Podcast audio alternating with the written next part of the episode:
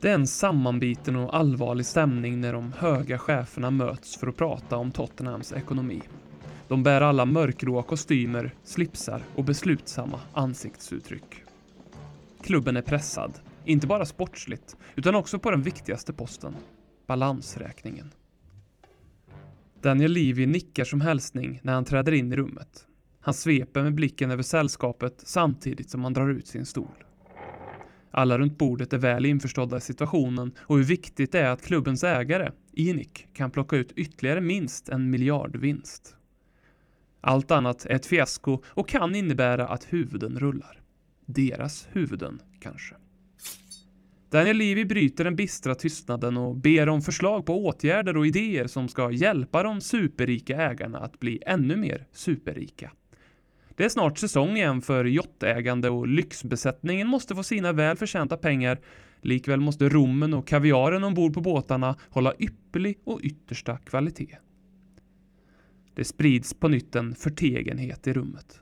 De kostymklädda männen i sina framgångsmagar och vita presidentfrisyrer tittar stumt ner i bordet.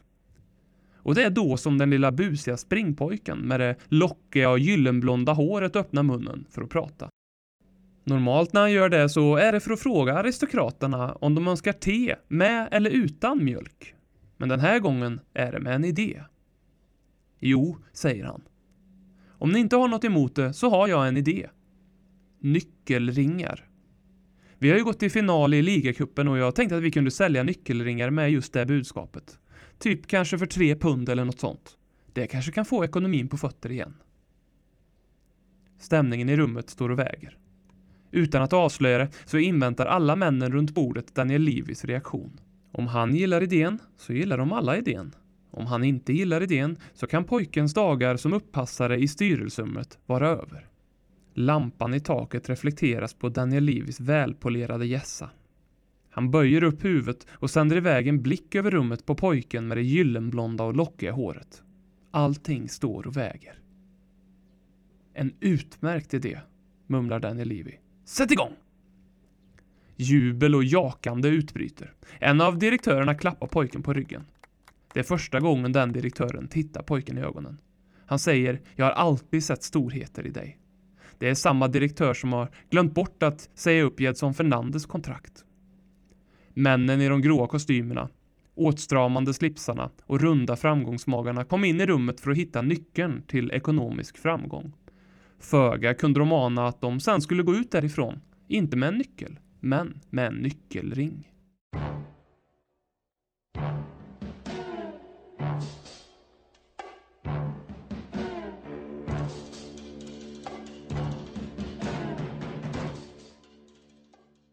Hi, this is Ledley King, and you're listening to the Ledley Kings Need podcast. Podcast. Ledley Kings knä, Konsekvent, inkonsekvent. Ledley Kings knä, Det bästa som någonsin hänt. Ledley Kings knä, Du kommer aldrig bli dig själv igen min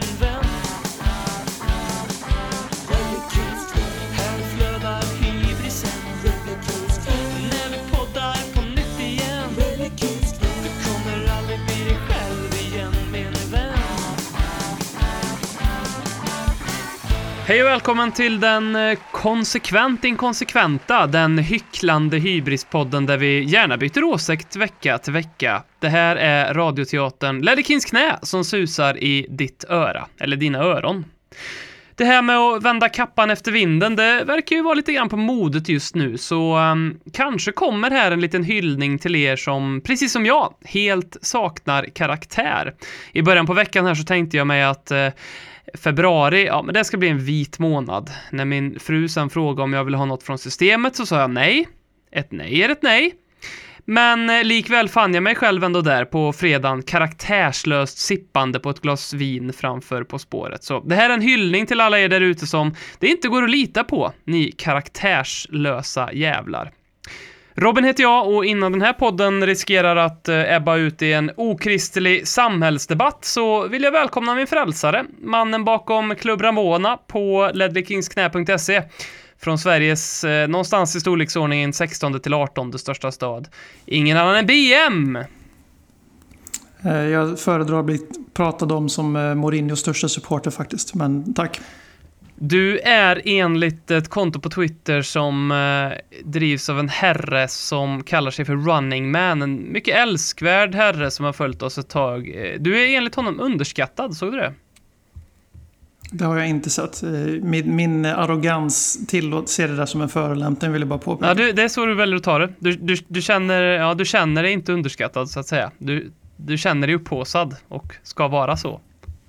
Ja, men jag, jag har lite den här, du vet, Guidetti-auran runt mig liksom. Jag, så att jag, jag vet vad jag har åstadkommit och om ingen annan... Nej, vad fan, jag kan inte, här kan jag inte hålla på längre. Det är svårt att ta emot beröm. Ja, det så det. kan man väl säga om man ska vara lite seriös. Vidrigt att få beröm, är det. Jag önskar att jag, jag... Nej, jag önskar inte att jag vore bra på det. För jag vill inte heller vara bra på... Ibland kan det bli nästan läskigt när någon är bra på att ta emot beröm. Hur fan ska man ta emot beröm? Skit i, skit i att ge varandra beröm, är väl det vi... Eller? Nej. Det är alla hjärtans dag idag, kan, så kan vi inte säga. Vad har du gjort? Jo. Vad har du gjort på alla hjärtans dag? Eh, sambon hade heldag i stallet så att jag fick eh, gömma presenterna. Eh, och eh, på de typ sju och en halv minu- medvetna minuter vi hade tillsammans idag för hon kom hem från stallet så fick hon sina alla hjärtans dag-presenter. Sen så fyllde min äldsta lilla syster på alla hjärtans dag så hon fick ett Unicef eh, gåvopaket för barn i nöd under pandemin. Eh, Så Good Guy BM har varit i farten då och spenderat sina hårt förtjänta pengar via sponsoravtal. Allting för att slippa tänka på Tottenham, men inget speciellt romantiskt. Du då? Herregud. Ja då. Eh, har ni såna här bockiga spel man kan spela ute med i sommar kanske? Eh, jag, har, jag, jag har inte gjort någonting. Jag fick, jag fick ett par sulor av min fru. Eh, ullsulor. Eh, jag ga- gav inget Du har inte fixat någonting i nya mansion eller någonting liksom? Nej, vi har, aj, aj, aj, aj, aj. Men däremot... Vänta, vänta nu. Sa du precis att, hon, att du inte gav din fru ett, ett, ett, en present på alla hjärtans dag? Ja, inte gett någonting.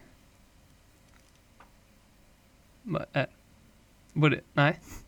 Men, men du, jag, jag har skrivit en dikt. Ja, det är fantastiskt. Vill, vill du höra dikten? Jaha, ja, inte till din fru. Jaha. Nej, nej, nej. Kör. Vad vore väl en dag utan tre poäng på White Hart Lane? Vad vore, vad vore väl en match utan en hörna i vägnickad på första gubben, slagen av Christian, våran gamla Dane? Vad vore Harry Winks utan en enkel pass åt valfri sida? Och vad vore Tottenham utan en tabell i vilken man nedåt kan glida? Vad vore mitt supporterskap utan Lelle Kings knä? Vad skulle vi klaga på om det inte blåste, utan hela tiden var lä? I den här podden har jag inte bara hittat ett hem. Jag har också funnit dig, BM. Alltså, åh. Uff, jag, jag, jag hedrar här. Jag hoppas din fru lyssnar på det här och ser att jag fick en kärleksdikt, men inte, inte, inte hon. Jag trodde du skulle worka in där att Tottenham låg nia eh, i ditt rim, vilket hade varit otroligt imponerande med tanke på hur tabellen är i Premier League. Det- Det kan ju gå fem minuter så hoppar man från femte till tolfte plats. Ja. Men eh, glida får väl ändå, får väl ändå anses godkänt. Så mycket stark dikt, stark dikt. Tack. Eh, vi har ju fått lite frågor på temat alla hjärtans dag idag. Eh, från, bland annat från Nils Kork. Hur, ja, hur tror du att Mourinho firar alla hjärtans dag? med ett montage eh, av hans, hans karriär i Chelsea med låten Simply the best. Eh, jag, kommer, jag vet inte om vi har pratat om detta, men eh, han har ju haft en ehm, affär som... Eh, vad hette hon då? Nej, jag orkar inte googla. Men det är en... Ehm, ja, det, det, det, det figurerade för ett par år sedan eh, paparazzi-bilder på honom. Eh, när han eh, besökte den här kvinnan och sen så vet jag att när han blev kvar, klar för Tottenham så var det ju på nytt lite paparazzi-bilder utanför hennes hus som bor i London. Eh, där han just sprang in med en Tottenham-tröja, vilket var lite roligt. Eh, han har varit på semester, varit på semester med henne. Så jag vet inte om det är så. ehm, han, jag har aldrig, jag vet att jag sökte lite på detta när det begav sig, så att säga. Och eh, vad jag minns så fann jag inget att han har svarat eller kommenterat det här eller så, utan så antagligen så är det här något som han och hans fru, eh, ja men de kanske har kryddat till det lite, jag vet inte. Kanske en liten trekant där i José Mourinhos lya idag, alla hjärtans dag, vem vet? Eh, sen så fick Karin mig att tänka, hon skickade en fråga, va, variant på alla hjärtans dag-temat. Vem är den store assistkungen i Spurs historia?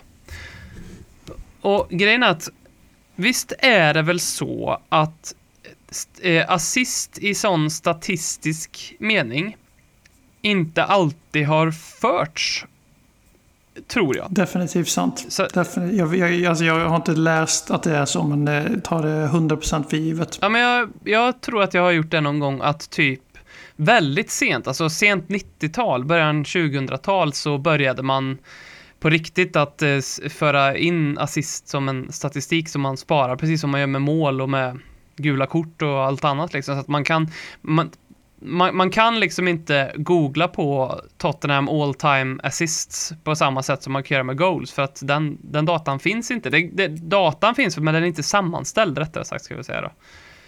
Eh, så ja, vem, men vem, vem tänker du spontant på? Eh, Luka Modric, men det stämmer ju självklart inte för att han var ju Mr Hockey-assist. Passningen till passningen.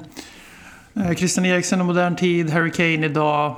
Eh, way back when, Huddeston, en hel del assist. Aron Lennon måste ju ha gjort en jävla massa assist. Han var ju, det var ju det han Från gjorde. kanten där, yes. Eh, tidigare måste man, kan, man tänker ju att Glenn Hoddle var en som gjorde ganska många assist. Mm.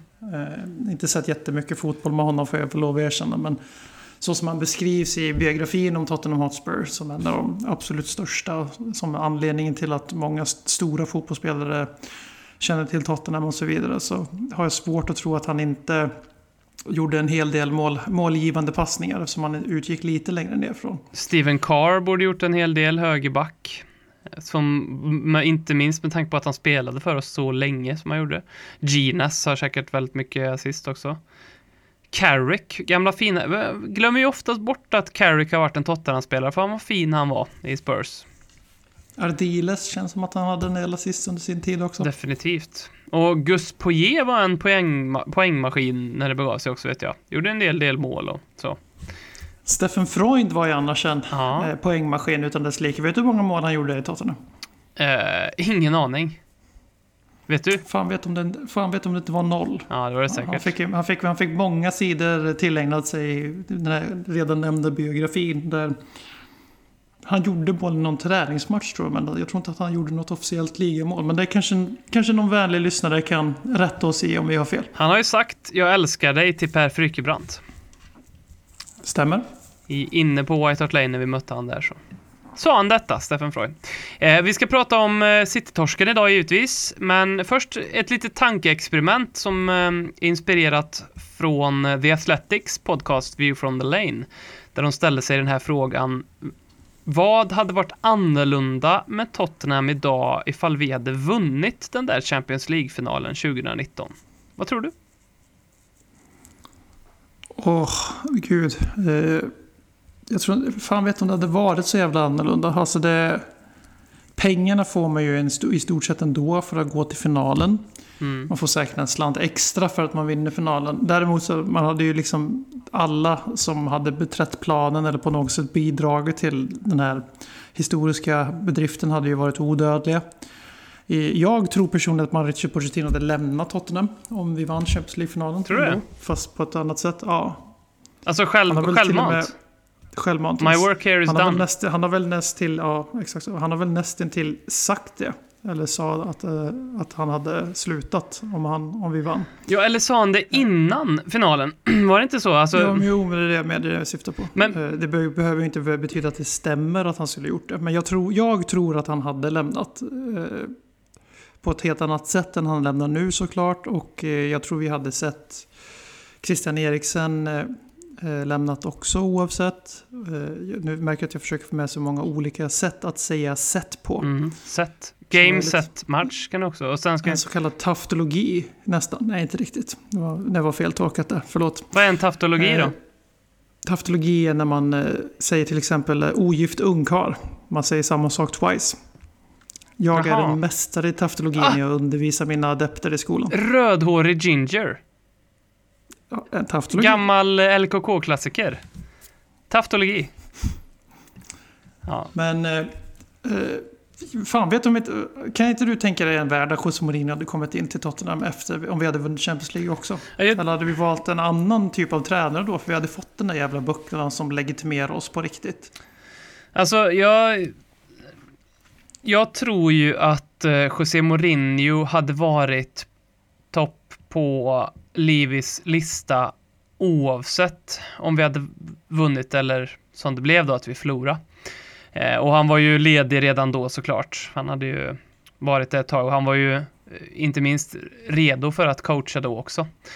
Eh, för jag tror ju liksom att Mourinho inte på något sätt var sådär någonting som Livi såg i november senare då när han kickade Pochettino. Eh, som, ja men, han är ledig, det, det blir skitbra det, vi, vi kör på honom. Utan jag, jag tror att Livi hade då, vi, vi tar det scenariot att Pochettino hade klivit av skutan. Eh, fan, undrar om mina känslor hade varit för honom om han hade gjort det. Men ja, det kan vi ta sen. Men då tror jag att, eh, alltså för, för, för i Livis fall så är José Mourinho det är, det är kronan på verket på något vis. Liksom. Den klubben han tog över 2001 eller 2002 eller när det var från Alan Sugar. Um, den klubben var ju så jävla in i helvetes långt ifrån att anställa en manager som, av José Mourinhos kaliber.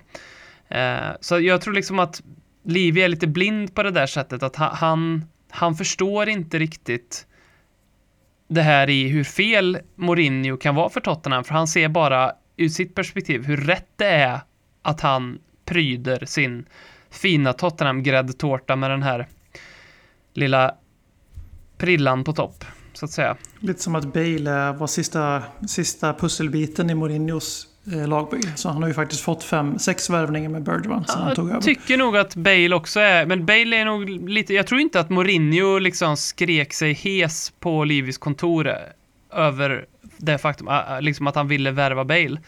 Utan jag tror snarare att det var, det var liksom Livi som blev väldigt precis på samma sätt som en Mourinho. Det är mycket PR i det, men det är också lite mycket sentimentalt liksom. Ja, men det, det är en grej han vill göra för att han själv, ja, jag tror att det För att, ligger... visa, för att visa att Tottenham kan, sen ligger han Ja. några år efter. Ja, men lite så. så. Jag håller med. kan vara väldigt liksom personligt för han. Så. Så ja, jag tror ju inte heller att det är ju möjligt att en Pochettino som hade sagt till Livi, nej men okej, jag hoppar inte av. Men för att jag inte ska hoppa av nu, då vill jag att vi på riktigt gör en ombyggnad av den här truppen. Det är möjligt att Pochettino hade haft lite mera att komma med till förhandlingsbordet i ett sånt skede. För det vet vi ju att Pochettino sa att han ville ju renovera huset. Man ville byta ut möblerna. Det, det var ju faktiskt ordagrant vad han sa i en intervju med Gary Lineker kort efter Champions League-finalen. Och, och ehm, det är möjligt... Kanske hade Dibayas image rights hade förmodligen kanske inte stöpt affären om vi vann Champions League. Där har vi ett så konkret exempel. Bruno Fernandes. Eh, Det hade inte, vi hade inte hamnat i ett läge där det var Christian Eriksen måste lämna för att vi ska plocka in Bruno Fernandes. För vi har redan värvat en Dombele och Lo Celso. Mm. Eh, utan eh, kanske något sånt, alltså eh, Pochettino hade fått en spelare, alltså en, köp- en present Mm. för Lo Celso och en Dombele var ju ren, så här, vi måste värva någon. Vi har inte Moussa Dembele kvar, Victor Wanyama har lämnat. Vi måste ha spelare på den här positionen. Eh, och sen försökte vi på Dubai in i det sista och det var ju i stort sett klart förutom de här jävla bildrättigheterna, som vad det verkade. Mm. Eh, Och jag tror att hade vi vunnit Champions League så hade det för det första varit lättare att... Det hade inte varit lika svårt att få in en Dybala till Tottenham då. Inte, inte för att det är så jävla stor skillnad på att vinna och förlora en final. Alltså spelare, det är inte som att de bara "Jaha, är det Champions League-final idag? Fan, Tottenham, jaha, då, vad är det för lag? Mm. Ja, de förlorar, de vill jag inte spela för. Så, riktigt så ointresserade är inte de. Det, det är bara så Ekoto som är det liksom. Men, någonting sånt kanske. Men jag tror, jag, tror, jag tror inte vi hade fått se så, så jäkla mycket. Nu, försöker, nu vill ju du måla upp en fin bild här där Pochettino blir kvar och han får det han vill ha. Vi, vi tar ett mellanår och den här säsongen då, fiktivt 2021, så är Pochettino 2.0 på väg att bli verklighet och Harry Kane är såklart kvar och Son är bättre än någonsin förr och de nya grabbarna tar ett kliv på en gång och man bara njuter. Mm. Och sen kommer man på att det hade varit covid oavsett så vi hade inte fått se så mycket av det. Men det är ju, finns ju också det här äh, som jag tycker hände med Tottenham efter att vi förlorade Champions League, att det blev en enorm bakfylla för oss. Vilket jag är förvånad över att det blev, för att för, för mig och för, för många fans blev det ju liksom wow, vi var i en Champions League-final. Och även om vi förlorade så, så var jag, jag var stolt över det liksom. Det kändes jättesurt att förlora såklart, men det var fortfarande så här surrealistiskt och eh, häftigt. Och men klubben och spelarna verkade ju hamna i någon form av bakfylla, inte minst Pochettino, enligt rykten var ju han liksom helt förkrossad och pratade inte med någon i laget förrän ett bra tag senare och då stängde in sig i Barcelona eller vart det var någonstans så. Eh, och om jag jämför, som jag gjort, dragit det här förut i, i podden, men med Liverpool som förlorar en Champions League-final och bara går och höjer växeln och vinner den nästa år och vinner ligan också sen därpå alltså om man jämför hur Tottenham reagerade på Champions League-finalen så jämfört med Liverpool så är det ju både sportsligt men också eh, strukturellt, strategiskt två klubbar som har hanterat det på två olika sätt och jag tycker att vi inte hanterade det bra.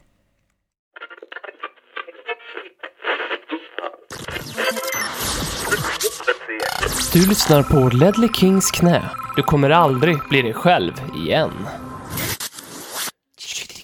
Vi eh, förlorade mot Manchester City, det var väl det mest väntade som eh, kunde hända tror jag. Eh, 3-0. Eh, du skrev här i Klubb Rabona att eh, nu börjar likgiltigheten eh, sätta sig in i, i ditt känslomässiga Tottenham-register. Kan du utveckla det? Det är ju olika, alltså man måste, först måste man prefacea lite här för att alla som lyssnar på det här eh, och följer oss på något sätt, alltså på oss i podden, vet att alla, främst jag och Håkman och kanske Folin och Jocke och Jimmy är eh, ganska anti Mourinho och har varit eh, Alltså sen före han blev officiellt klar av många skäl. som vi inte behöver dra igen för det har alla redan hört. Och om man vill höra det så kan man lyssna på det första avsnittet precis när det hade hänt. Eh, med mig och Frykebrant. Men eh, jag gick inte in till den här matchen och på något sätt förväntade mig att vi skulle göra en stor match och vinna eller ta poäng eller för den delen. Alltså det, det är inte för att vi förlorar mot Manchester City som att man föll in i likgiltighetens eh, era som jag kallar det. Utan det, det får man ta. Det, det, är Englands, kanske Europas bästa lag just nu. Mm. Alltså världens bästa klubblag förmodligen. Det är inte det som gör det, utan det är den här att när man sitter, som i mitt fall, och eh, slår på toppmatchen. Eh, har ju slutat kolla på studion. Det har aldrig varit någon som kollar på studio och sånt innan. Jag är inte så intresserad av det. Eh, har aldrig varit, men nu är det, nu är det helt ointressant. Eh, det har smugit sig fram hela säsongen, Alltså man kommer in två minuter efter matchen börjar. Eh, man, kommer... man eh, sitter kvar på Clubhouse och snackar upp istället för att se på matchen med, alltså aktivt. Eh, jag ser helt enkelt inte längre fram emot att Tottenham ska spela fotboll. Det, det är ingen höjdpunkt längre utan om man ska göra ett så övertydligt exempel. Nu för tiden så kollar jag på Tottenham för att kunna göra pålästa eh, krönikor och bloggar för vår hemsida eller för att vara någorlunda trovärdig i vår podd.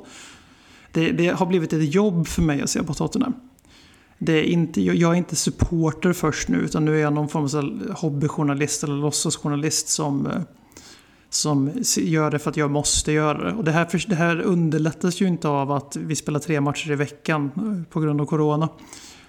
Eh, och det underlättas inte av att vi är i en alltså, så usel form så att det, det, det finns få moderna exempel. Det är ju Pochettino förra säsongen när han fick sparken efter 12 matcher. Han tog 14 poäng. Det är två poäng bättre än vad Mourinho gjort de senaste 12 matcherna. Så det är alla de bitarna ihop som gör att jag liksom så här, när City gör 1-0, jag, jag vet att jag borde bli arg för att det var en billig straff och enligt mig på gränsen till felaktig straff, även om jag förstår varför det blir straff. Eh, men jag är inte arg på riktigt, jag, jag, det, det är inte riktiga känslor. När de gör 2-0 direkt i andra halvlek, då bara jaha, då var den här matchen slut liksom.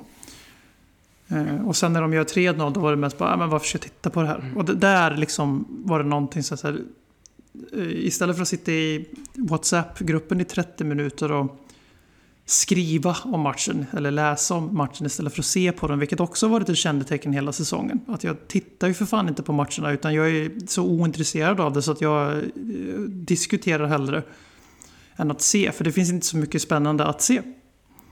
Eh, och eh, den här gången kände jag bara så här, varför ska jag titta för? Ing- jag får inte ut någonting av att titta de här 30 minuterna. Matchen är över. Eh, jag är inte arg, jag är inte besviken. Jag tycker inte Davison Sanchez gör bort sig så jävla mycket på 3-0 målet som alla andra verkar tycka. Det är ju frispark, men... Jag bara säger jaha, gör någonting annat. Sen att det råkade vara Melodifestivalen, det var ju inte mitt beslut. Utan hade, hade det varit upp till mig så kanske jag hade tittat på nå- någonting på Netflix istället. Men, eh, och det är likadant nu, jag sitter här och jag skrev en krönika igår, eller förklädd blogg som det är, Club Rabona. Eh, där jag liksom skriver Mourinho out.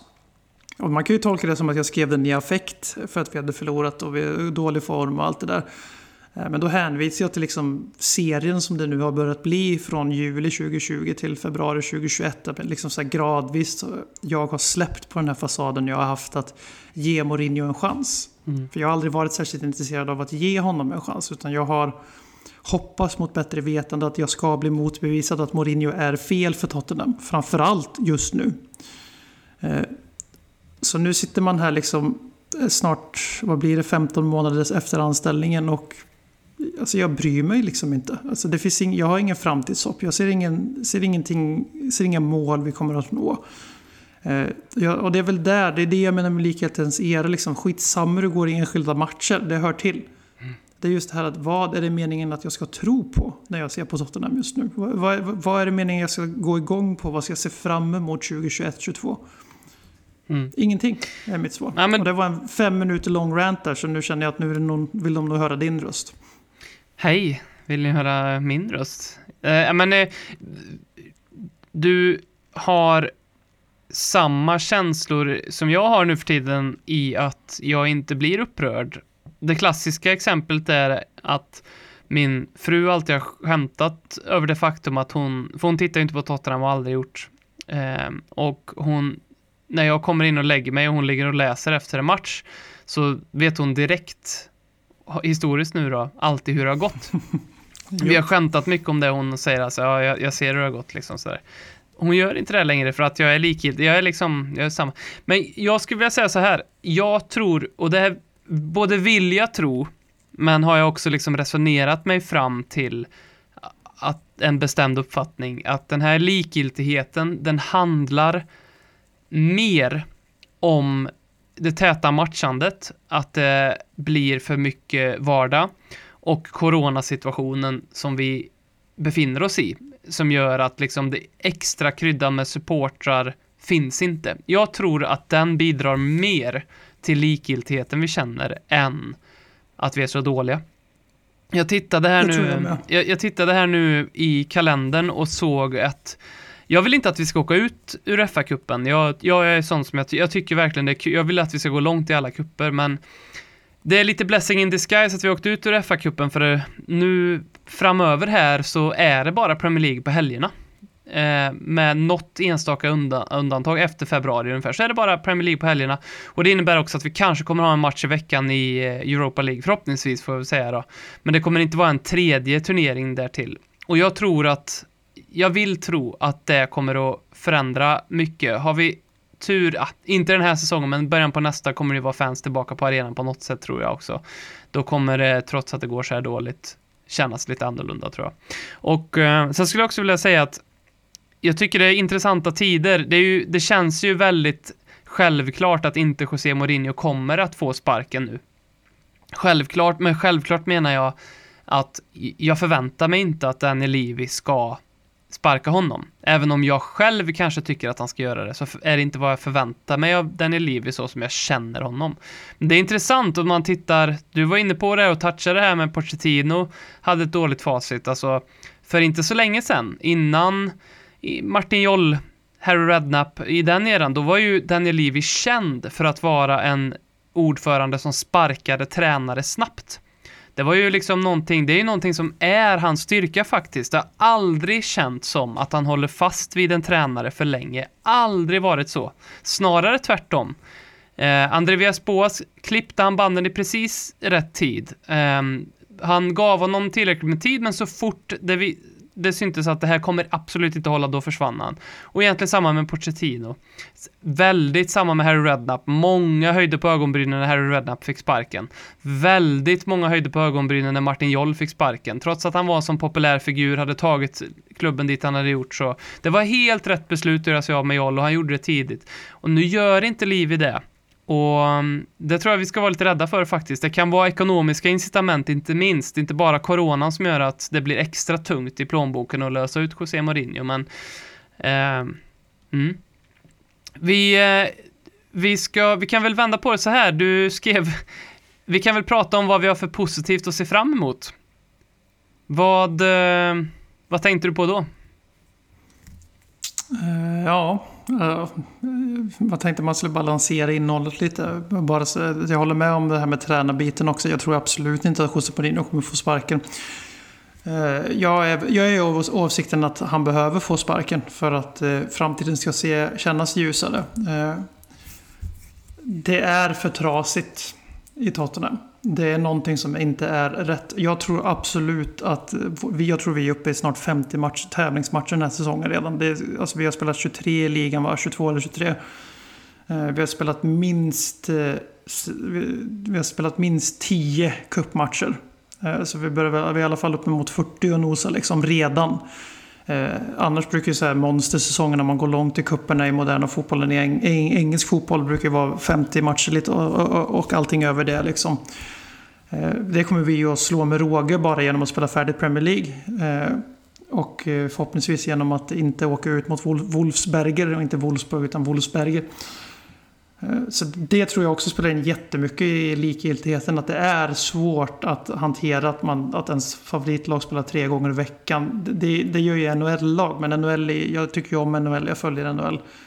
Tittar en hel del på det till och med efterhand sådär. Men det är ju inte, det är ju det är en hobby. Någonting jag gör för, för att ha någonting att titta på när jag lagar mat liksom. Tottenham är någonting annat. Och det, blir för, det börjar bli för mycket Tottenham nu. Det, så det tror jag du har helt rätt i också. Men det vi har att se fram emot, för att knyta ihop det här. Det är ju att vi har eh, en fantastisk infrastruktur. Som kanske är en av anledningarna till att vi behåller vår tränare just nu. Att eh, vi har gjort vi har, har ett ganska dyrt årtionde bakom oss om man säger så, 10-talet. Mm. Eh, vi har eh, liksom tagit de livsviktiga stegen utanför planen. Så som det var när vi började med det. Nu för tiden så är ju tv-pengarna han ju tyvärr bli så enormt avgörande så att det spelar inte så stor roll längre vad man har för ticket revenue. Eh, där verkar ju dock Livi vara i framkant på att hitta andra sätt att ändå pumpa in miljoner med pund för annat än tickets då, eller receipts från the gates. Jag vet inte varför jag börjar bryta. Eh, inkomster från matchdags, match, matchdagsintäkter säger man. Eh, så där, är, där har vi en anledning tror jag. Eh, det är för dyrt. Men vi har det. Vi har Europas bästa jävla arena att se fram emot. Den har knappt använts på grund av Corona. Eh, vi har fortfarande inte haft en hel säsong där ostört. Där har vi någonting att se fram emot. Det är många svenska Spurs-supportrar som aldrig ens hann åka till den arenan före, före den klappade igen helt enkelt på grund av covid. Där har vi någonting att se fram emot. Alla nya minnen för livet som kommer att skapas på samma heliga mark som tidigare. Eh, Vi har eh, en lovande generation med unga spelare från egna led som är på väg upp. Det har vi inte haft på ett tag. Namedroppa. Harry Winks, eh, jag kommer alldeles strax. Harry Winks och Harry Kane är de enda vi har just nu. Och, eller det kanske de inte är, men det, de är de två som i alla fall har varit i akademin sen barnsben till skillnad från en Danny Rose exempelvis som värvades in som 17-åring.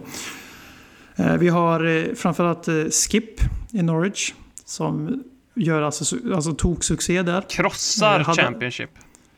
Hade, alltså, det hade vi sagt förut i podden, hade han inte redan varit vår spelare så hade han varit högt upp på listan över vad folk tycker vi ska köpa. För det finns alltid en falang som vill att Tottenham ska värva ungt och brittiskt som är Arnesen och Joll. Eh, när vi värvade Huddestone, Lennon eh, och grunden till det fantastiska Rednap-laget. Nu, nu kommer jag eh, skosul... Eh, vad heter det? Du försöker säga tjohorna, men Ja. du kommer inte på det svenska. Forcera in, säger vi. Eh, Nu, ibland så... Skohorna in. Skohorna in. Nu ska jag skohorna in.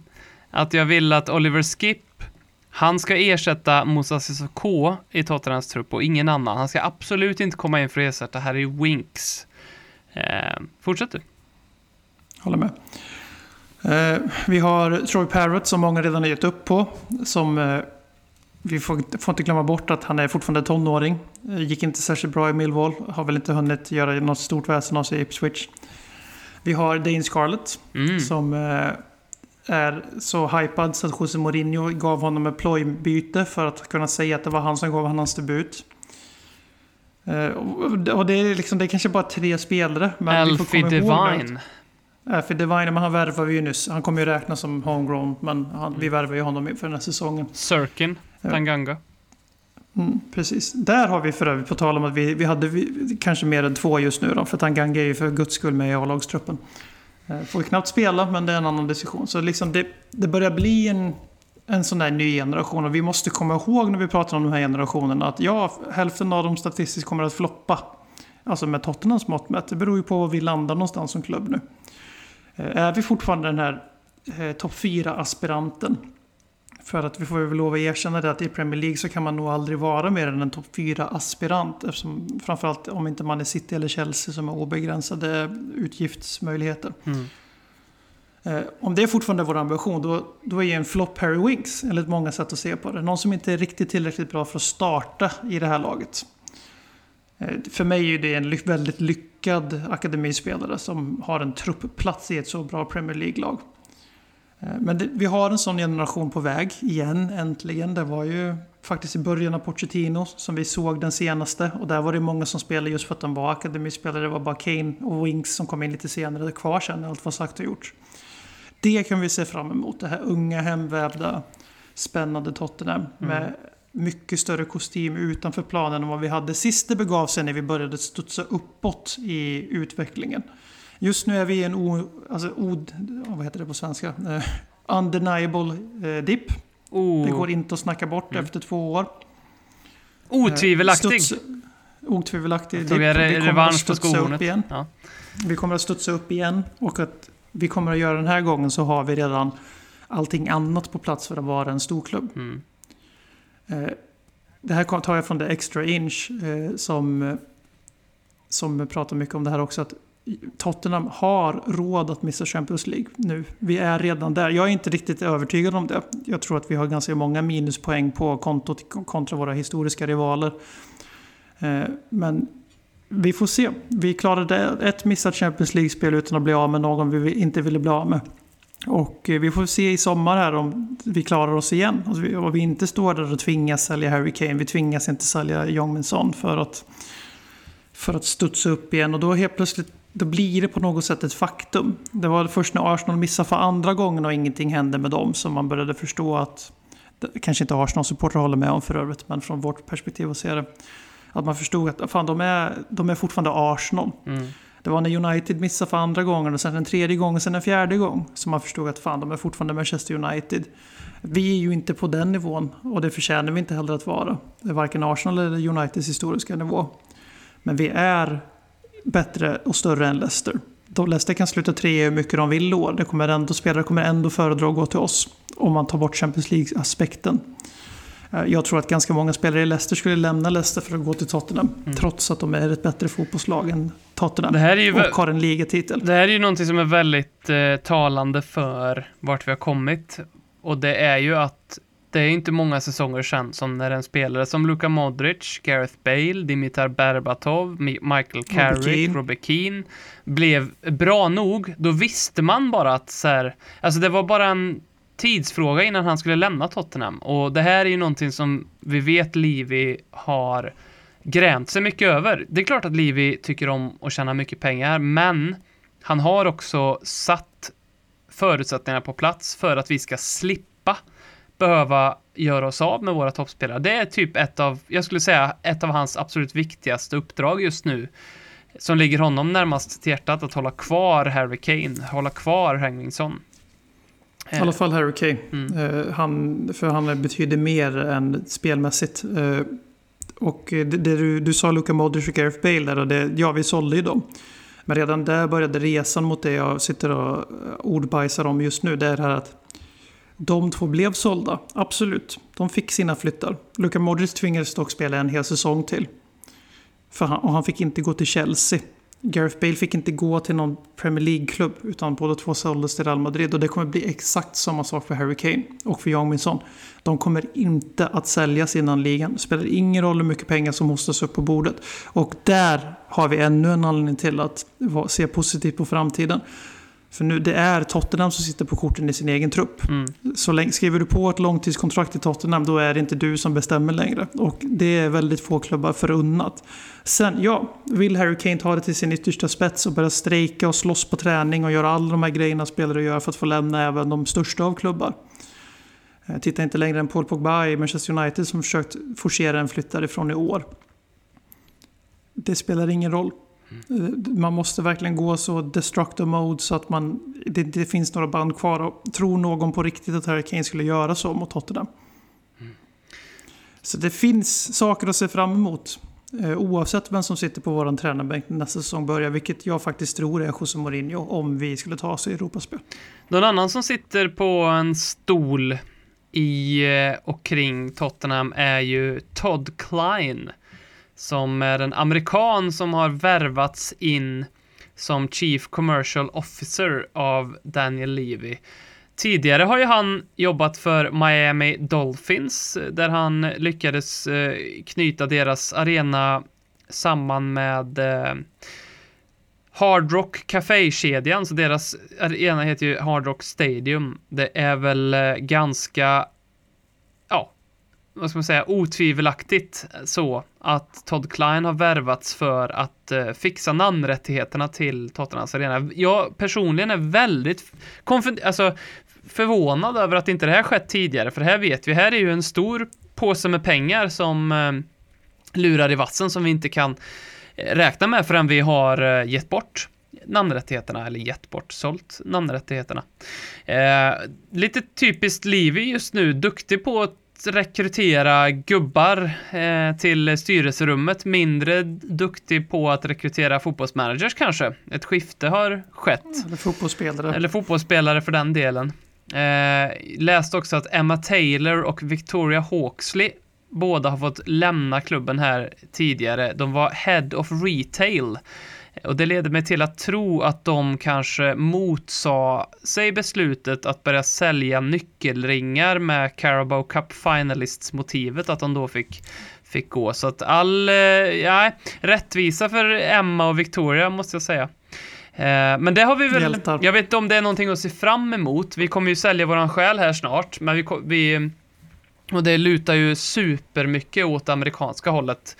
Eh, Amazon ligger ju jättebra till tror jag att eh, ta och köpa det här. Nike likaså. Eh, Google har ju också varit med i mixen. Det blir ju något amerikanskt företag. Fedex. Fedex, ja. Det, det blir något amerikanskt företag. Det, det känner mig ganska Nej, men alltså, det här med namnrättigheter, ja det är så romantiskt för jävligt men allvarligt. Det är gratis pengar. Jag har ju aldrig förstått varför företag är beredda att pumpa så jävla mycket miljarder för att för att, eh, för att det ska stå ett namn på Fifa 21 när man spelar Mm. eh, eh, fotboll där. Som att alla supportrar i världen kommer att kalla den för White Hart Lane eller New White Hart Lane. Det är, alltså ingen Tottenham-supporter kommer oironiskt kalla den för Amazon Stadium. Mm. Nej, jag håller med. Jag, jag försökte leta upp den här Todd Klein, för det fanns väldigt lite om honom på nätet, så jag la till han på LinkedIn, men sen så såg jag att det var fel Todd Klein jag har lagt till. Så, ja. Nej, den som kan eh, leta rätt på den rätte Todd Klein och lite information om honom, mer än att han antagligen kommer vara gubben som styr ihop vårt, våra namnrättigheter, det vill vi jättegärna höra om. Eh, så har ju Trevor Birch fått lämna också. Det är väl lite synd i det här. Det var ju ett tag sedan Trevor Birch lämnade. Han blev någon form av eh, chef i Fotboll League, typ ansvarig för Fotboll League tror jag. Han som kom in från Swansea här tidigare i säsongen för, för, för att vara ansvarig för eh, egentligen dir- Director of Football och den setupen ändrar man. Så får vi se vad som händer där framöver då. Ska vi ta och skratta och topp 6-segmentet? Ja, Let's laugh at the top six. They are really shit.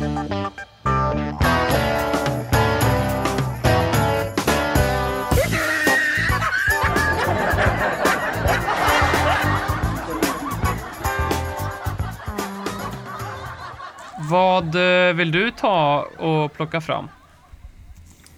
Ja, när man ska skratta åt topp 6 eh, så våndas man ju nu för tiden. Men jag kan inte... Jag kan inte, det finns inte så mycket att skratta åt eh, som inte är förutsägbart den här helgen. Utan det får ju lov att bli eh, Liverpool. Och eh, deras andra raka alltså härdsmälta.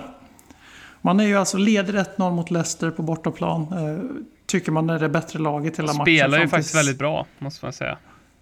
och sen 5, 6, 7 minuter senare efter att eh, man satt och tänkte så där så står det 3-1. Alla som gjort en till hel hårresande tavla. Jamie Vardy har sprungit ut och spelat gitarr med hörnflaggan. Och helt plötsligt så är Liverpool på fullaste allvar inne i en, en kamp till döden med Chelsea om fjärdeplatsen i Premier League. Och som Tottenham-supporter så är det ju helt sjukt att konstatera att om vi, hade, om vi vinner våran hängmatch, som vi har sagt nu i två månader, som att, eller en månad och lite drygt, för vi får aldrig spela den här jävla matchen mot Aston Villa. Eh, Så är vi en poäng efter Liverpool. Mm. Om inte det bevisar för folk att Premier League är ett skämt nu för tiden kvalitetsmässigt så vet jag inte vad som bevisar det. Att Tottenham, alltså hur, hur mycket vi än vrider och vänder på det så sitter man och är Mourinho out när vi är en seger ifrån att kunna nosa på den gloriösa hymnen i diverse europeiska arenor. Ja, det är sjukt. Är det. Eh, Så jag skrattar åt Liverpool och eh, alltså att de lyckas i en säsong där Tottenham är så fruktansvärt usla. Där Arsenal är på något vänster ännu sämre. Så lyckas ändå Liverpool vara med i ett tremanna-race om vilken klubb som skämmer ut sig mest. Jag noterar eh, också att när Liverpool var bäst i världen så eh, var För det... två månader sedan ungefär. Ja, då var det många Liverpool-fans som lyssnade på Ledley Kings knä. Och inte minst interagerade med Ledley Kings knä. Ja, ni är så sköna och ni skriver såna ironiska tweets. Haha, fortsätter med det så här. Nu när inte Liverpool är bäst i världen längre, inte jättemånga som tycker det är roligt med Ledley Kings knä som håller på Liverpool. Nej, det är det definitivt inte. Eh, Så, mm, den ska ni ha. Jag vill eh, skratta åt en grej som och för er som då var med på vårt uppsnack på Clubhouse. Jag vet inte om vi... Fan, jag börjar trötta på Clubhouse redan. jag, jag, vet, jag tror inte det kommer bli en grej faktiskt. Jag tror faktiskt... Jag tror Clubhouse kommer att dö. Eh, det, det här är ju mannen som också spanade att eh, Harry Kane eh, kommer max bli en toppspelare i League, League One. Så mina spaningar får ni väl ta med en nypa salt. Men jag kommer att bara ta upp någonting som, för jag tänkte på det här i lördags när vi skulle spela City. Eh, och jag vill ta upp detta, för jag vet att det inte var många, det var, vi, vi var väl en 20 pers i det där Clubhouse-rummet, så det är inte jättemånga som det här blir repris för, men jag läste en tweet från eh, Alex, som är en av de tre city, svenska City-supportrarna jag känner till. Jag känner inte till fler. Petter Landén, Dennis Kjellin och den här Alex då, som vi har på, på Twitter. Han skrev då att eh, det är solklart att Tottenham kommer att vinna med 1-0 idag på Etihad. Och då tänker jag så här, alltså vart kommer det här City-lidandet ifrån? Eh, sedan City vann ligan 20, för första gången där, inte för första gången, men Premier League för första gången då, 2011, 2012 när det var, när eh, Agüero avgjorde mot QPR. På de tio åren som har passerat sedan dess, så har den här klubben tagit 13 titlar. Man är det enda laget, det enda laget i Premier League som konstant har varit topp 4. Man har säsong efter säsong, sommar, vinter efter sommar, vinter gjort drömvärvningar, nya profiler, världens bästa fotbollsspelare har man liksom, välkommen till City. Man har Pep Guardiola, man har liksom man har haft dokumentärer, man har haft allt. Och då undrar jag vart fan kommer det därifrån att en City-supporter sitter och liksom tar på sig lidandet och tänker äh, det blir 0-1 till Tottenham idag. Alltså jag förstår när United-fans gör det. Ni har inte haft ett skit senaste sju åren. Det har varit tufft. Ni har Ole Gunnar Solskjaer som tränare. Jag förstår när Liverpool-fans gör det. Det har varit en lång och jobbig resa. Man blev åtta för inte alls så länge sedan. Jag förstår när Arsenal-fans gör det. Jag förstår verkligen när Arsenal-fans gör den, skriver de där tweetsen. Verkligen när ni gör gör det. Eh, jag, jag förstår vart det kommer ifrån. Jag, Chelsea-fans, jag tror inte att de gör det. De, de, Chelsea-fans är liksom blåsta jävlar som springer runt och bara Åh! De är, de, är som, de, är bra på att, de är bra på att ta beröm. Ja men precis, de är, de är bra på att ta bra. Den enda sympatiska Chelsea-supporten är väl David Fjell. Eh, alla andra Chelsea-supportrar är bara såna här vinstmaskiner som, som frågar du dem hur det går. Äh, vi, vi kommer vinna, vi kommer krossa allt. Det är det enda, det är det enda de haspar ur sig. Eh, Tottenham-fans ska jag inte ens gå in på. Här. Men, men jag, vart, vart det här kommer ifrån att en City-supporter kan sitta... Jag, jag förstår verkligen inte det. Det, det gör jag faktiskt inte och det, det, vill jag, det tycker jag är patetiskt. Ehm, är du redo för en liten tuff pingpong? Men så som du har snackat upp den så känner jag mig ungefär lika likgiltig som inför Tottenhams säsong. Eh, men kör. Den här kommer från Nestor och jag har ju hållit på... Åh nej, är det den? Ja, det är den. Jag har hållit Nej, på den här så länge för att jag tänkte att den här, det här är nog bäst att göra när det är två, två i podden så ni får resonera fram tillsammans, men jag orkar inte hålla på den längre. Eh, det här måste jag bara säga är ett jävligt kul initiativ från Nestor som ju rattar våran FPL-liga tillsammans med Emil Stjärneman bland annat. Eh, och gör det jättebra. Och han... Jag, Det, är den här som man skickar ledtråd på med de spelare som jag Ja. till den här dagen Men- inte har någon aning om vad det men, men döm inte, döm inte ut, utifrån den ledtråden. Eh, men eh, det här, det här initiativet gillar jag verkligen och, och jag vill ha, jag vill ha, vi vill ha fler sånt här. Eh, om ni vill att jag ska vara den som sätts på pottan, då sk- skicka då en pingpong till BM eller någon annan i podden. Men om ni skickar den till mig, då är det jag som kommer upp. Så har ni idéer på pingpongar, skicka dem till oss. Den som, eh, du, jag kommer hjälpa dig jättemycket med det här, för att det, alltså, det finns ingen, det fin, alltså, kan du den här? Jag vet bara en person som kan det här och det är Rune, våra norska lyssnare, Robert Folin ska, han skulle kunna det här. Eh, Inte ens Håkman hade ju Nej, fixat nej, det nej, som är nej. Herre- interna. ja. Herregud, herregud. eh, det är, eh, nu ska vi se, 1, 2, 3, 4, 5, 6, 7, 8, 9, 10, 11, 12, 13, 14, 15, ja, typ ungefär 18 namn, 18 namn tror jag det är. Spelare som på 2000-talet har varit på lån i Tottenham.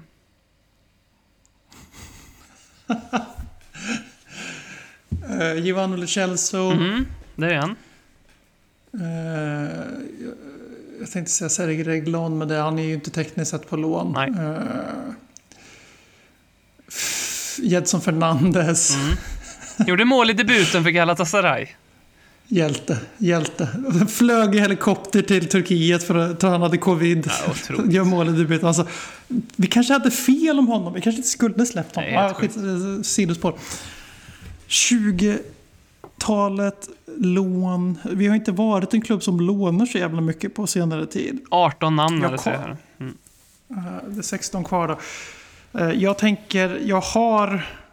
Jag ser en viss period i huvudet framför mig hur man nu ska förklara det här. Eh, Men, men, Men Från 2007, 2012 så vet jag att det finns några namn. Mm. Jag får lite ansikten till och med framför Ja, mig. där finns ett par Men- eh, goa gubbar, men vi, vi kan väl börja med att det är två supergivna som du har missat som är i truppen idag. Som är i truppen idag. Mm. Som har varit inlånade till Tottenham. Mm. Och de kan vara på lån nu också. Ja men vad fan, Gareth Bale för helvete. ja, jag blir nästan orolig. Ja, så en till. Eh, Vad fan är mer på Gäddan, eh, Rest in Peace. eh, Han som kom ju tillbaka från de döda som Jesus själv. Eh, Det, måste, det sa jag inte för. Jag, jag tänker samtidigt, men alltså. Ja, det var ju synd att det inte var påskhelg när vi mötte City när, när Jesus och eh, KK hade sin dispyt. För då hade vi fått se Jesus Kristus 2.0. Mm. Eh, sidospår mellan så tänker. Men vi har alltså en spelare till i dagens trupp som är inlånad som jag inte... Ja, men vad fan BM. Det... Nej men för helvete Vinicius. ja, ja, där har du. Då har du fyra ändå. Eh, sen, det är godkänt. sen kan vi gå tillbaka till en... Eh, vi tar, du har tagit de fyra senaste. Så att, eh, och den femte senaste, det är en gammal poddfavorit kan vi säga. En liten poddlegend.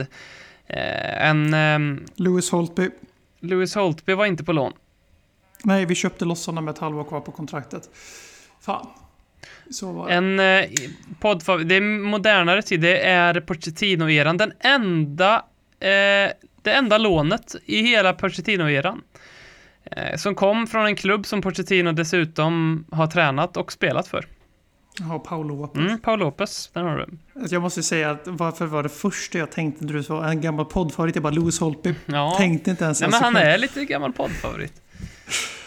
Eh, så Paolo Mm. Lopez, men som, sagt, det, jag, som sagt, i mitt huvud jag ser de här suddiga åren, slutet av Joll, början av AVB, där jag vet att vi hade flera gubbar på lån. Mm, Eh, jag tänker dra en chansning här, jag har ju redan förlorat det som jag torskar på femte namnet. Eh, en chansning och jag tänker säga att Mido var på lån före vi köpte ja, loss honom. det är korrekt. Mido var på lån före vi köpte Bra, då har jag återupprättat lite heder. Ja, men det, och det är några av de här som du kommer lösa. Det finns ju en då som ehm, en anfallare, profilstark anfallare, eh, Rednap, ehm, gjorde Ja, Adebayor. Adebayor, ja precis.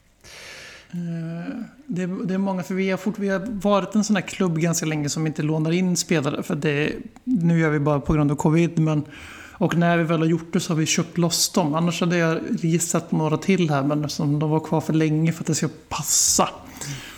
Eh, har vi haft någon gammal hemvändare? Ja, det- Robbie Keane Nej. köpte vi tillbaks för... Nej, nej, behöver inte säga. Jag tänker. eh, han köpte vi tillbaks för 6 miljoner pund billigare än vad vi... Han var ju på lån till Liverpool kan man säga för 6 miljoner pund. Men vi hade i Rednap-eran hade vi två anfallare. Eh, när vi sålde Berbatov så i den affären, Fraser Campbell. ja, Vi sålde Robbie Keane, Dimitar Berbatov och plockade in Fraser Campbell på lån. Mm. Vi- perspektiv. Alltså det, det är tungt nu under Mourinho. Vi har en nedflyttningsform. Eh, gubben är inte vår gubbe. Han är inte tot, vad Tottenham representerar för många. Och jag har full respekt för er som inte håller med. Men fan, det är inte Fraser Campbell istället för Berbatov-nivå. En liten passning till alla i den här Gareth Bale-generationen. Eh, det här är absolut inte det djupaste, likgiltigaste, mest bottenlösa man kan vara som Tottenham-supporter har varit i historien. Absolut inte. Herregud. Vi är, Nej, nej, nej. Eh, vi är så långt ifrån så dåligt som det har varit. Eh, så bara, lugna er. Eh, men en till anfallare. En till anfallare som var i Rednap. Alltså, Louis Zaha, var han på lån? Den, nej, det var han inte. Men den här anfallaren, jag tänker på, han var ganska, han var till, på ål- ålderns höst när han kom till oss och han hade, han spelade i den här eh, flammiga, inte flammig på något sätt, men den tröjan som alltid kändes som att den var så stor, med gula ränder på sidorna, crouch-tröjan. Eh, den tiden eh, spelade den här han gjorde få i, bra saker för oss. Eh, har spelat i Chelsea. Var det inte Saren? Alltså Roman Pavlyuchenko. Åh, vilken kille. Älskar honom Han, så eh, bra. Mycket bättre än Andrei Arshavin. Han är en no- nordbo. En anfallare? Mm. Vänta lite nu, nu ska vi se. Gammal... Ja men för fan, Eidor. Mm. Nu försökte du lura mig lite där. Islänning. Det är ju nordbo i och för sig. Men... Eller är det? Jag blandar alltid ihop om det är Skandinavien eller... Ah, skitsamma. Ja, vem fan kan det där? Eh, Alltså, alltså jag måste säga, alltså Nestor tyckte att den här var rimlig. ja, den är jättesvår den. Sen har vi en Man målvakt. blir så lite nyfiken på om han hade prickat alltså, den här svårighetsgraden. För då vet man ju att vem som ska egentligen ha en podcast på, om Tottenham på svenska. Det är inte vi i alla fall. Näst, ja, den, det här, det, den listan jag fått är från Nestors. Han har bara plockat det här från sitt eget huvud och sa att det här borde stämma. Ja. Sen har vi en målvakt från Balkan.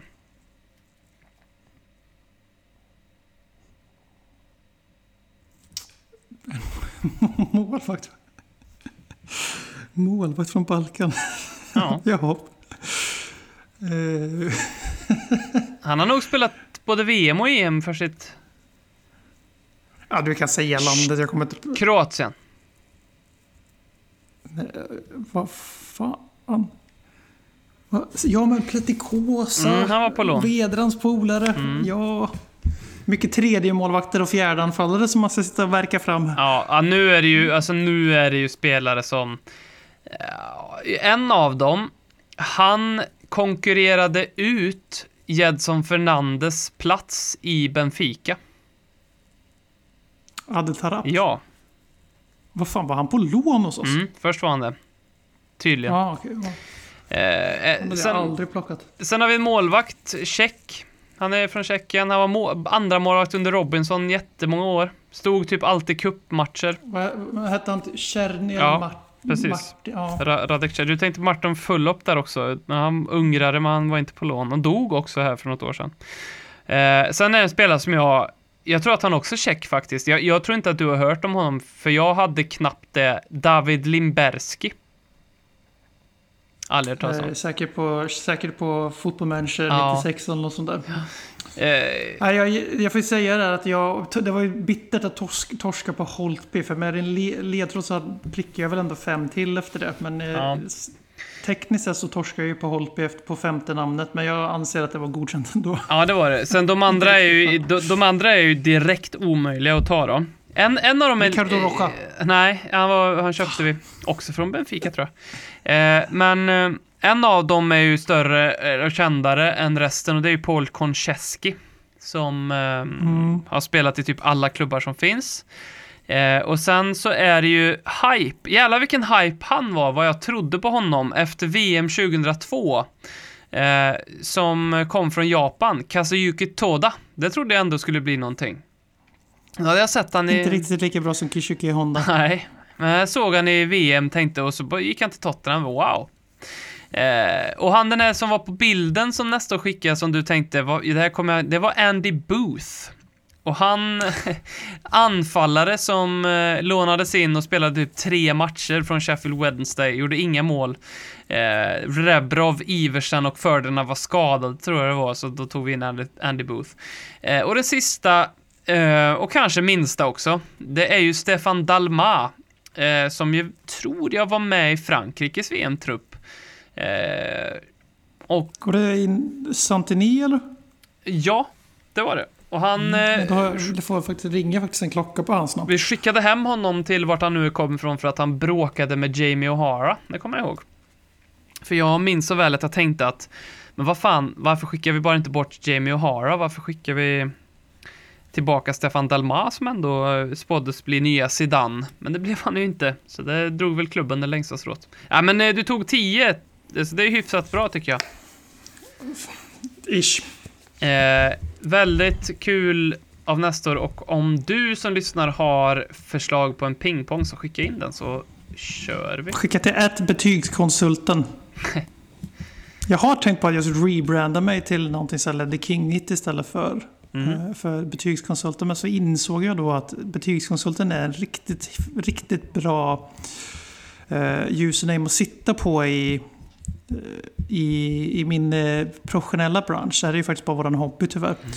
Eh, eh, swisha till BM på 070 123 4 5 6 7 8 9. Vi är ju inte väldigt mycket för att ge betyg i den här podden på saker och ting för att vi tycker att det är tråkigt. Så att du får väl hålla det till din professionella... Nej, men jag, jag, jag hyst en dröm om att jag ska jobba som betygskonsult. Att jag ska bara Mm. sitta hemma, se på, prata Spurs och rätta lite uppsatser för elever jag Ja, ens har träffat. Men sen insåg jag att det skulle vara tråkigt för att det, det är inte riktigt det läraryrket går ut på. Jag lärt mig. Men enkla cash tänkte jag liksom. Vi har lite lyssnarfrågor. Joakim Granberg, vad gör ni hellre? Behåller Mourinho som tränare och alla stannar? Eller att vi måste sälja Son, Kane, Ndombele och Lamela och måste ta in Guendouzi, Aubameyang, Wilshere och Pepe, men Pochettino kommer tillbaka som tränare. Fan Eh, På Joakim! bety- på tag om fem plus fråga. Jag tar, behåller Mourinho givetvis. Ja, jag tror också jag gör det faktiskt. Eller, ja, det gör jag. Det som, gjorde, det som gör det är eh, sälja Lamela, sälja Kane, Ja. Ta in Aubameyang. Ja. Det är den ordningen som gör att jag, det blir för mycket. Hade Aubameyang. varit med som ett alternativ så hade jag, alltså, hade jag valt den sidan han inte var med på oavsett de andra alternativen. Ja. Eh, samma typ av fråga från Skills by Mike. Sälja Son till United eller Wenger som ny coach? Sälja sånt till United, då får vi bra cash. Snart 30. Nej, Jag, jag väljer solklart uh, Wenger som coach för, alltså, visst, när han skildes åt från Arsenal så var det väldigt många Arsenal-supportrar som tyckte att det It's var... time to go! Ja, det var över tiden och allt det där och sådär. Men i efterhand så har de flesta Arsenal-fans insett att oj, vad fan vad bra vi hade det när vi hade Wenger ändå, liksom med Emery och Arteta perioderna efter det.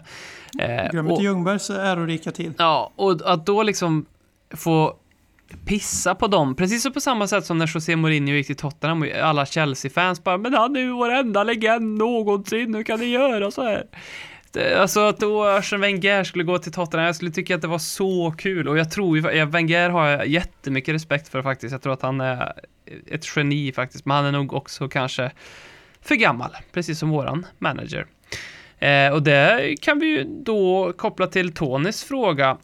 Eh, han skickade ett gäng frågor. Han håller på Arsenal. Han frågar om Mourinho är... Ska vi bara, ska vi bara säga för så att folk förstår att vi inser att Mourinho inte bara för slut utan han är också ett geni. Så att Ja, ja. eh, folk förstår att det är en liknelse med Wenger där att han är båda delar, inte bara att Mourinho är gammal. Jag Så onyanserade är vi faktiskt inte. Det Och, och sen så måste vi ju liksom, fan jag trött jag på det här svartvita hela tiden. Mourinho är inte slut, det, det tror jag inte. Absolut inte. Men han är inte rätt för Tottenham här just nu. Han skulle säkert göra jättebra någon annanstans.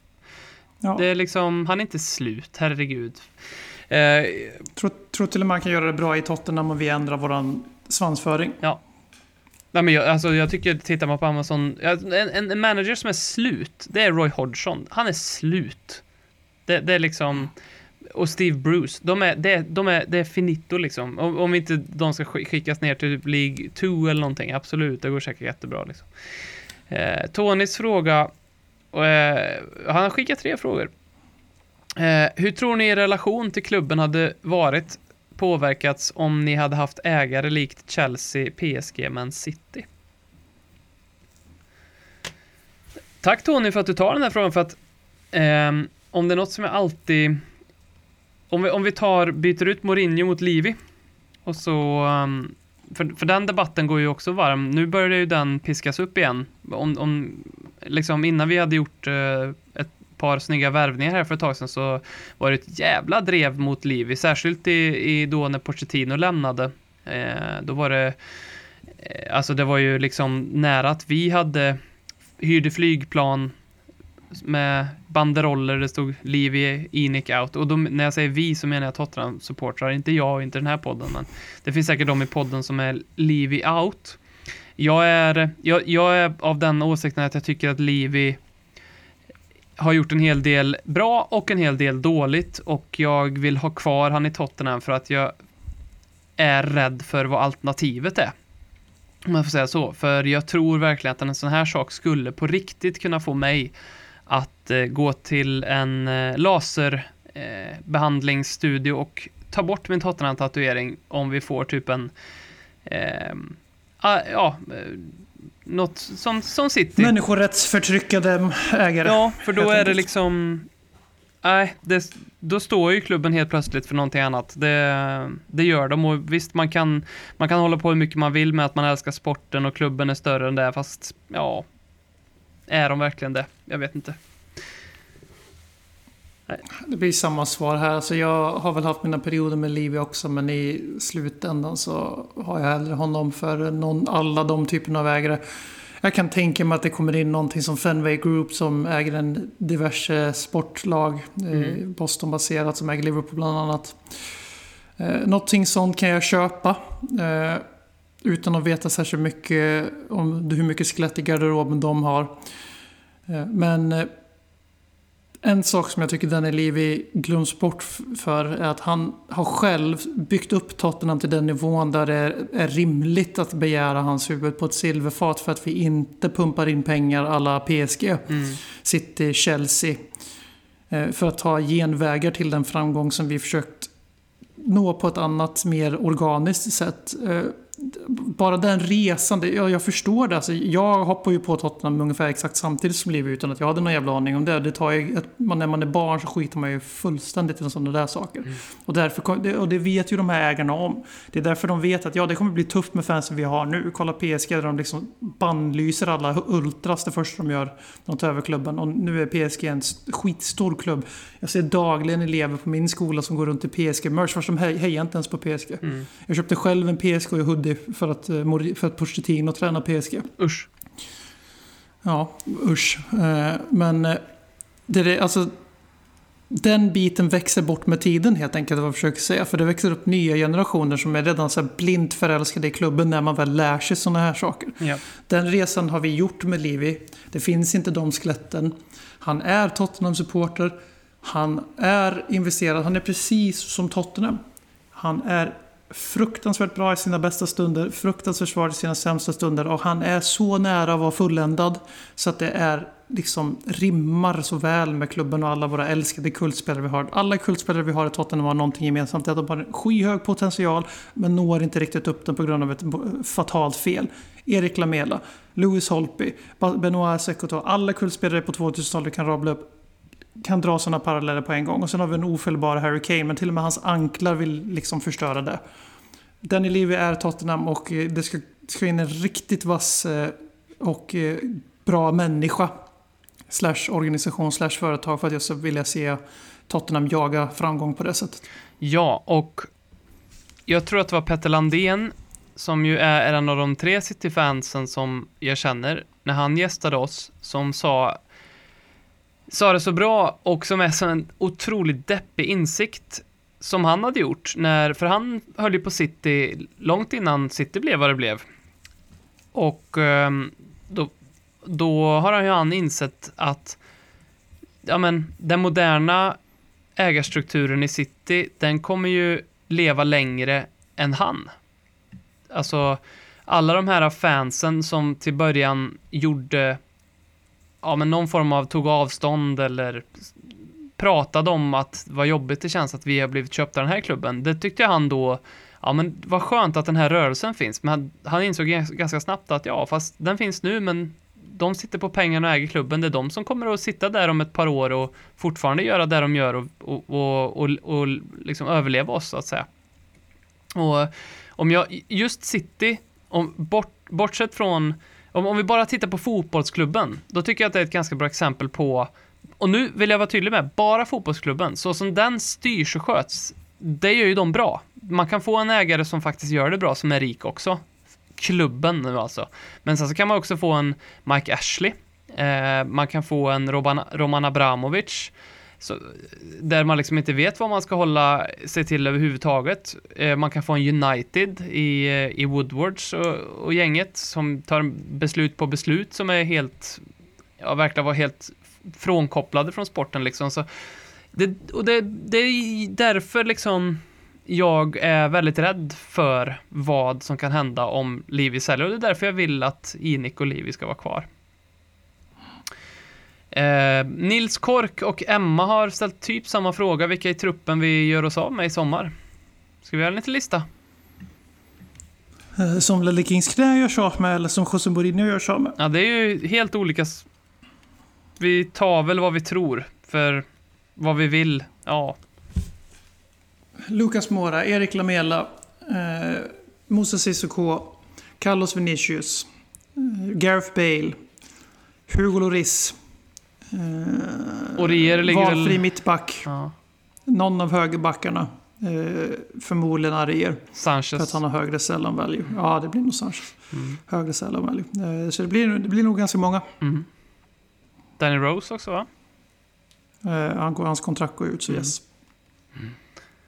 Ja. Vi hade missat en fråga från Tony den får avsluta programmet. Om man bortser från geografi och rivalitet, vilken är den mest motbjudande klubben i England? Det är ju Chelsea eller Manchester City. Alltså det, jag, jag kommer aldrig kunna svara på någonting annat eh, helt seriöst. Det är på grund av ägarstrukturen, på grund av vad de representerar i fotboll. Eh, eh vad de, och det är nu så här, nu har de framförallt i Citys fall, eh, förlåt, Chelseas fall så har det varit så länge nu och det är så standard inom storfotbollen nu så att det är knappt någon som höjer på ögonbrynet. Men det var där det började. Det var det som öppnade upp för PSG. Det var det som öppnade upp för alla liknande konstellationer runt om i fotbollsvärlden. Det var det som öppnade upp för att man kan köpa VM på supertydligt sätt och lägga det på vintern och allt vad det är. Så det är de två. Sen eh, har jag väl eh, personligen otroligt svårt för alla klubbar som tolererar eller inte agerar hårdare än vad de gör idag mot fans som sjunger om Auschwitz när de möter Tottenham Hotspur. Mm.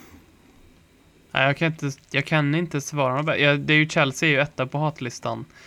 Eh, före, långt före City för mig på det sättet. Fast man kanske borde titta på ägarna bakom klubben så kanske Citys ägare har bidragit till mer skit i världen än vad Roman Abramovic har, även om han absolut inte är, eh, inte har blod på händerna så att säga. Då så. Ett eh, avsnitt är till ända. Hur känner du dig BM? Likgiltig.